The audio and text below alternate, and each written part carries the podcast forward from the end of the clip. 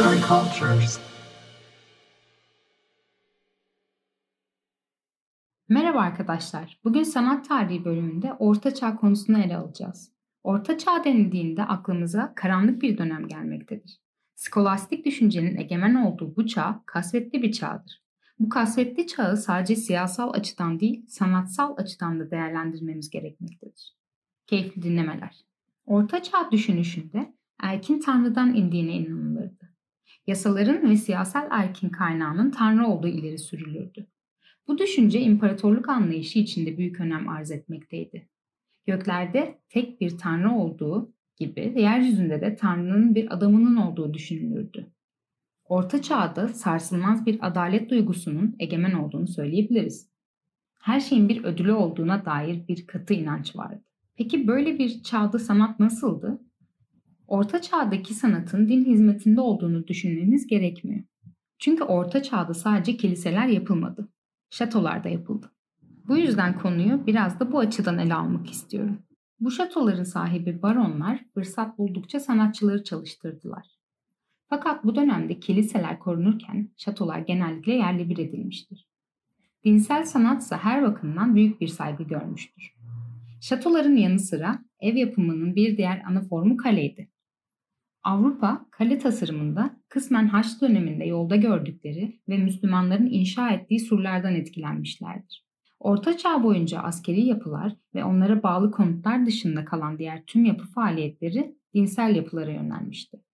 Şunu eklemek isterim ki Orta Çağ döneminde sanata bu kadar önem verilmesinin sebebi okur yazar oranının çok düşük olmasıyla alakalıdır. Okumayı bilmeyen kitlelere bir şey öğretmenin en hızlı yolu sanatı kullanmak olmuştur. Şunu söyleyebiliriz ki dönemin inanç sistemi estetik anlayışını etkiliyordu. Hristiyanlık Roma'nın resmi dini olduktan sonra inşa edilen kiliselerde ve yapılarda mozaiklerin konusunu İncil'deki semboller belirlemeye başlamıştır. Mezhep ve cemaatlerin çeşitlenmesiyle birlikte dini yapıları olan talepte artış görülmüştür. Bu yeni alanlar genellikle dik eğimli arazide yer alan basit planlı yapılardır.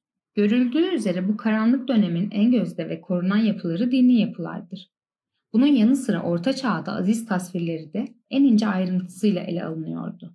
Bu alanda karşımıza ihtişamlı tasvirler çıkmaktaydı. Orta Çağ sanatçısı bu tasvirleri büyük bir özenle ele alıyordu. Bu karmaşık dönemde dinsel olan her şey büyük önem kazanmıştır.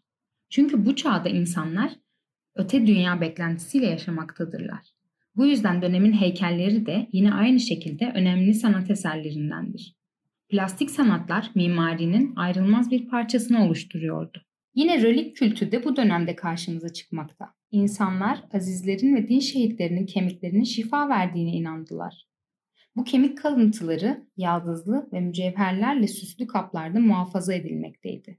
Dönemin bize bıraktığı kültürel ve tarihi mirasın içeriğine baktığımızda bir kez daha görüyoruz ki dinsel anlam yüklenmiş yapılar askeri ve sivil yapılara nazaran daha çok korunmuştur ve daha çok özenle yapılmıştır. Günah korkusu tahrip duygusunun önüne geçmiş, din yapılarının günümüze kadar ulaşmasına olanak sağlamıştır. Seslendiren Polen Biçer